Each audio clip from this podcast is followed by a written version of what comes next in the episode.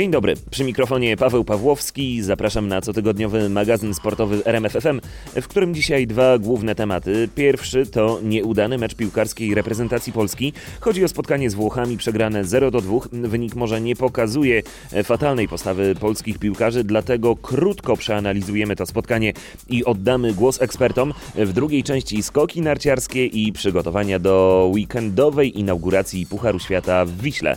Zapraszam. Mimo pozornie nie najgorszego wyniku, jaki reprezentacja wywalczyła w meczu z Włochami, no bo to przecież tylko 0 do 2, gra naszej kadry zasługuje na naganę w formie pisemnej. Gdyby ten mecz był zaliczeniem egzaminu z wychowania fizycznego, większość piłkarzy otrzymałaby ocenę niedostateczną. Dwóch z nich pomyliło chyba nawet piłkę nożną ze sportami walki. Poza pomeczową wypowiedzią Roberta Lewandowskiego, który zdaniem wielu komentatorów zwolnił trenera Brzęczka, na uwagę zasługuje zachowanie dwóch naszych pomocników. Chodzi oczywiście o Grzegorza Krychowiaka i Jacka Góralskiego. Ten pierwszy popisał się w niedzielę walecznością, no niestety w złym tego słowa znaczeniu. W 26 minucie meczu z Włochami po wrzutce przeciwników w nasze pole karne złapał w pół jednego z przeciwników, no i dosłownie cisnął nim o murawę. Na ringu taką walkę by wygrał, w polu karnym niestety ją przegrał. Sędzia podyktował karny, po chwili było już 0 do 1. Drugim takim piłkarskim ancymonem okazał się Jacek Góralski. Zagrać przeciwko Góralskiemu technicznie, no to jak wjechać do ubogiej ubogiej dzielnicy drogim samochodem. Piłkarz zwyczajnie nie wytrzymał tego, że był, no nie oszukujmy się, ośmieszany przez lepiej wyszkolonych technicznie graczy. Góralski popisał się w niedzielę ciosem rodem z azjatyckiej kreskówki, wyskoczył, no i prostą nogą z impetem wjechał w nogi przeciwnika dryblującego przy linii bocznej. No i nie była to taka pierwsza sytuacja naszego piłkarza w jego karierze, bo wystarczy przypomnieć zeszłoroczny mecz jego dawnego klubu Łudogorca z Espaniolem. Wtedy Łudogorec przegrał to spotkanie. Góralski popisał się tam e, również e, podobnym wślizgiem i zarobił czerwoną kartkę. Jeśli spojrzymy natomiast na sam zespół, no to jako pierwszy nasuwa się wniosek, że nie potrafimy po prostu grać e, pod wysokim pressingiem rywala. Włosi przez prawie cały mecz podchodzili bardzo wysoko, straszyli naszych obrońców rozgrywających piłkę po obwodzie i ta presja powodowała, że Polacy mieli ogromne problemy z wyprowadzeniem piłki. Budziły się nawet dawne demony Krychowiaka, czyli oddawanie po prostu piłki do tyłu zamiast szukania nawet trochę bardziej ryzykownego zagrania do przodu. Jeśli chodzi natomiast o Lewandowskiego i jego wymowne milczenie w pomeczowej wypowiedzi, ono sugerowało, że trener Brzęczek nie miał żadnego pomysłu na Italię. W mediach wtedy rozpętała się burza, pojawiły się nawet głosy o dymisji Brzęczka.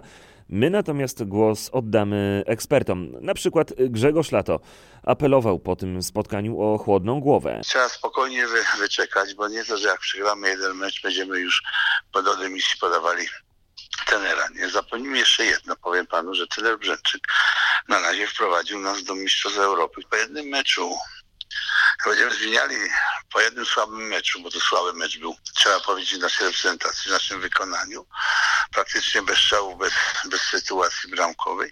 Wie pan, nie będziemy zmieniali trenerów. No, wie pan, to nie tędy droga. My w tej grupie nie byliśmy faworytem, jak to się mówi. Wiadomo jedno, że nie spadamy na pewno z, z tej klasy A, bo to spadła już w tej chwili, bo my mamy tam chyba nad cztery punkty przewagi. Mhm. Powiem, powiem pan, zostajemy w tym.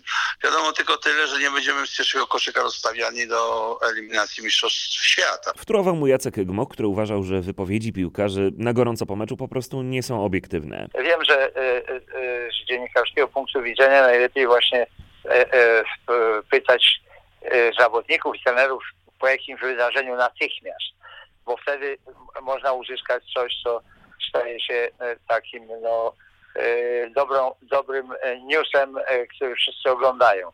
A proszę pamiętać, że wszyscy są pod, szczególnie w sytuacji, kiedy no, mecz był kiepski, no nawet bardzo, to co, nie są, znaczy jego wypowiedź nie jest obiektywna, więc ja bym tu się nie, nie, nie paszkił. Natomiast zastanowiłbym się, co dalej z reprezentacją Polski, no bo rzeczywiście wczoraj była, była no, jakby nie można znaleźć jakiegoś elementu, na którym można zobaczyć światełko i zbudować coś.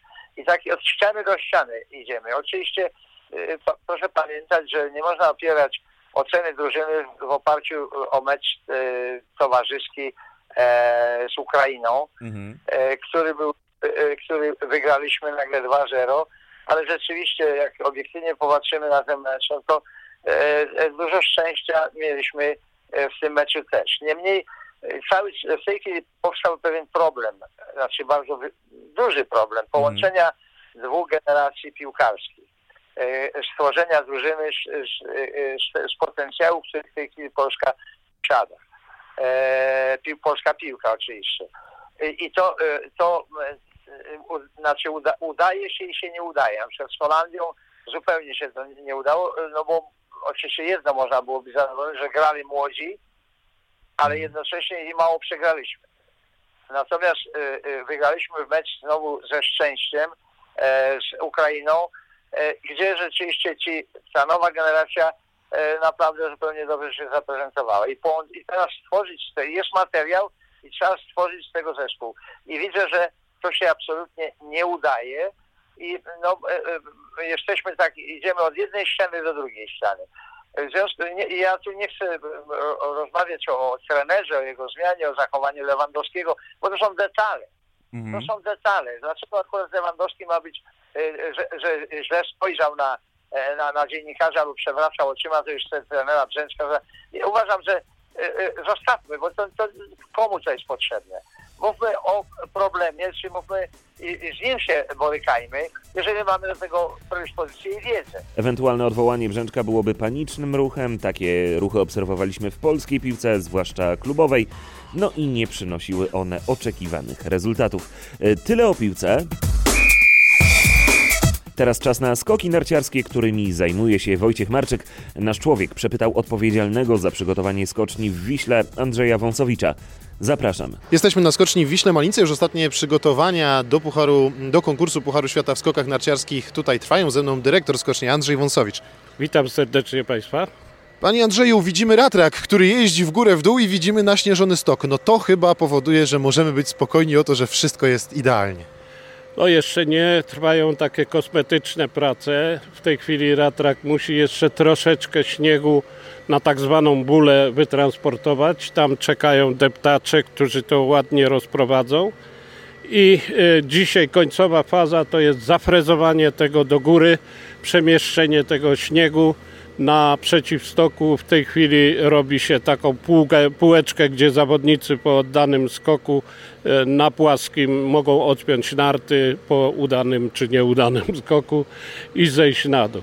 Także no, to już jest końcowa faza, ale już e, na 100% będziemy pewni. E, w środę o 11 chcemy zrobić trening dla naszych przedskoczków dla nich to trening, a dla nas e, możliwość poobserwowania, czy jeszcze coś trzeba poprawić, bo przypomnę, że prognozy e, są optymistyczne na, na przyszły weekend.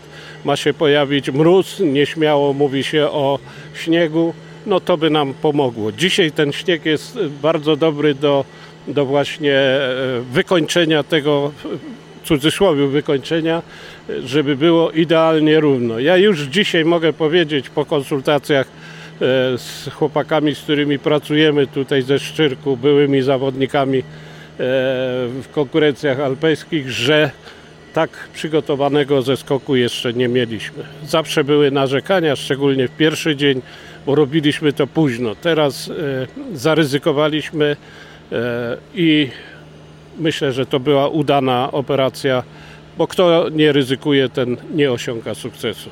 Ja mam wrażenie, że tego śniegu jest w ogóle więcej niż w poprzednich latach, ale to chyba efekt też tego, że w ostatnich tygodniach nie mieliśmy takich intensywnych opadów deszczu, jak to było rok temu czy dwa lata temu. E, zdecydowanie ten rok nas e, e, trochę potraktował bardziej ulgowo. I my tu mamy jeszcze na dole nadmiar śniegu i zrobimy sobie z tego taką żelazną rezerwę, ale proszę też zauważyć, że nie odjadą od nas agregaty produkujące śnieg. Gdyby, nie mam w co odpukać, ale gdyby e, się coś wydarzyło, to mamy możliwość uruchomienia, a on 150 metrów sześciennych za noc potrafi zrobić ten agregat.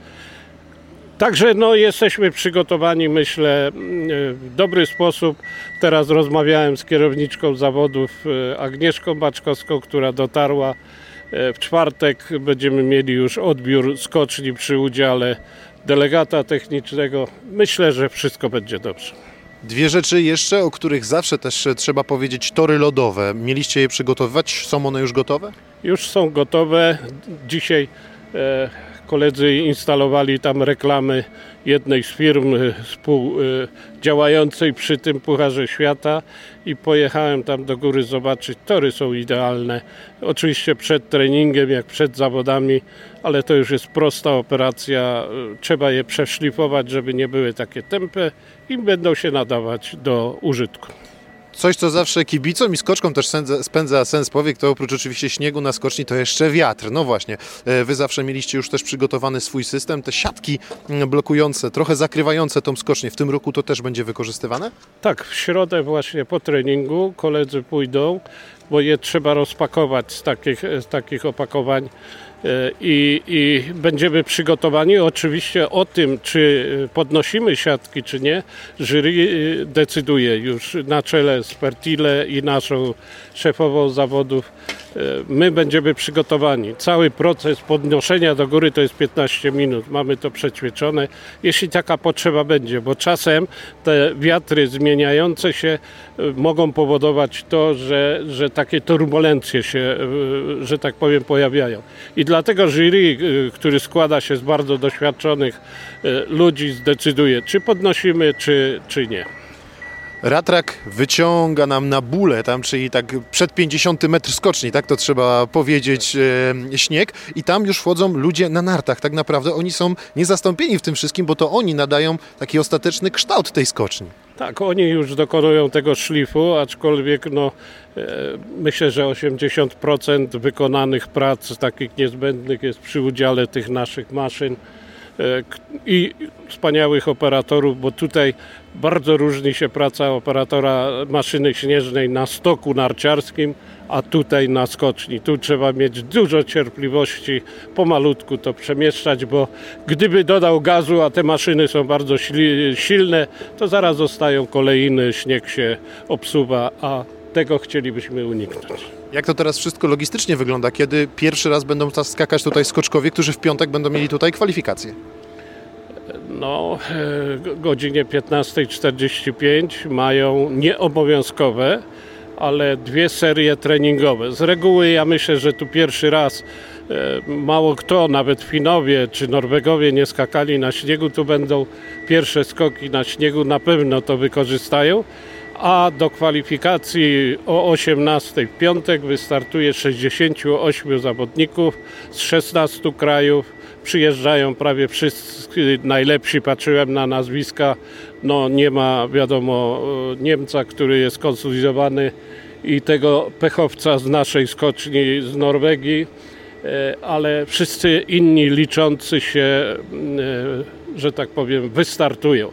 I przypomnę, 12 naszych będzie się kwalifikować do niedzielnego konkursu. A propos wiatru jeszcze, z początku były fatalne prognozy na weekend, ten, ten ze skokami, ale dzisiaj już e, ta, ta prognoza jest lepsza.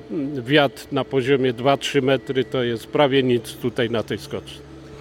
Mówiło się o tym, że nawet 80 skoczków zobaczymy tutaj w kwalifikacjach. E, Jest też z powodu pandemii trwającej, jest też kilka zmian, bo na przykład Austriacy, wspominał mi Pan, że nie będą spali razem z wszystkimi w jednym hotelu. Tak, oni sobie podtrzymują tą decyzję. My oczywiście się zgadzamy, ale jest jeden warunek, który, który muszą spełnić, zapłacić se muszą sami. My im, e, że tak powiem, przygotowaliśmy miejsca w dobrym hotelu, w którym bywali, ale takie mają obostrzenia, życzenia i my nie będziemy w tym przeszkadzać. E, 80 mówiło się skoczków, jest 60, nie, o- e, 68. E, Kogo zabraknie? Bo wiemy, że na przykład Francuzi nie przyjadą z powodu tych swoich takich wewnętrznych obostrzeń, no ale to też nie jest czołówka e, światowa. E, Tak, Francuzi pierwsi nas powiadomili, bo wysłaliśmy do wszystkich 18 federacji, gdzie uprawia się skoki narciarskie zaproszenia. Francuzów miało być dwóch, wycofali się, a w e, ubiegłym tygodniu wycofali się Finowie. Dyplomatycznie nas informuje ze względów e, e, zaleceń lekarskich nie przyjadą. A jaka jest prawda, to już nie wnikajmy. Ale patrząc na skocznie możemy być spokojni, brakuje tak naprawdę wyrównania i tych charakterystycznych zielonych roślinek, które też świadczą o tym, gdzie który ze skoczków ląduje. Roślinki są za budynkiem przygotowane, bo tego trzeba dużo. E, zadbaliśmy, żeby to było ładne, czyli jodełka tutaj Beskidzka. Myślę, że, że będzie się ładnie prezentować. Niestety tylko w kamerach i nielicznych ludzi, którzy pewnie za ogrodzenia będą się przyglądać temu wydarzeniu. Ale ją się właściwie montuje tuż przed skokami tego samego dnia. Tak, to już później wychodzą na pierwszy dzień tych treningów. Nie mamy obowiązku pomalować e, tych linii, przypominam, niebieskie, czerwone i zielone choinki na dole, e, tylko choinkami. My to nazywamy ubieranie tej skoczni. On daje taki fajny efekt, prawda, bo widać i nawet e, nie, niewybitny znawca potrafi powiedzieć, ile skoczek uzyskał metrów. I to już wszystko w tym wydaniu magazynu sportowego. Na kolejny magazyn zapraszam za tydzień. Do usłyszenia.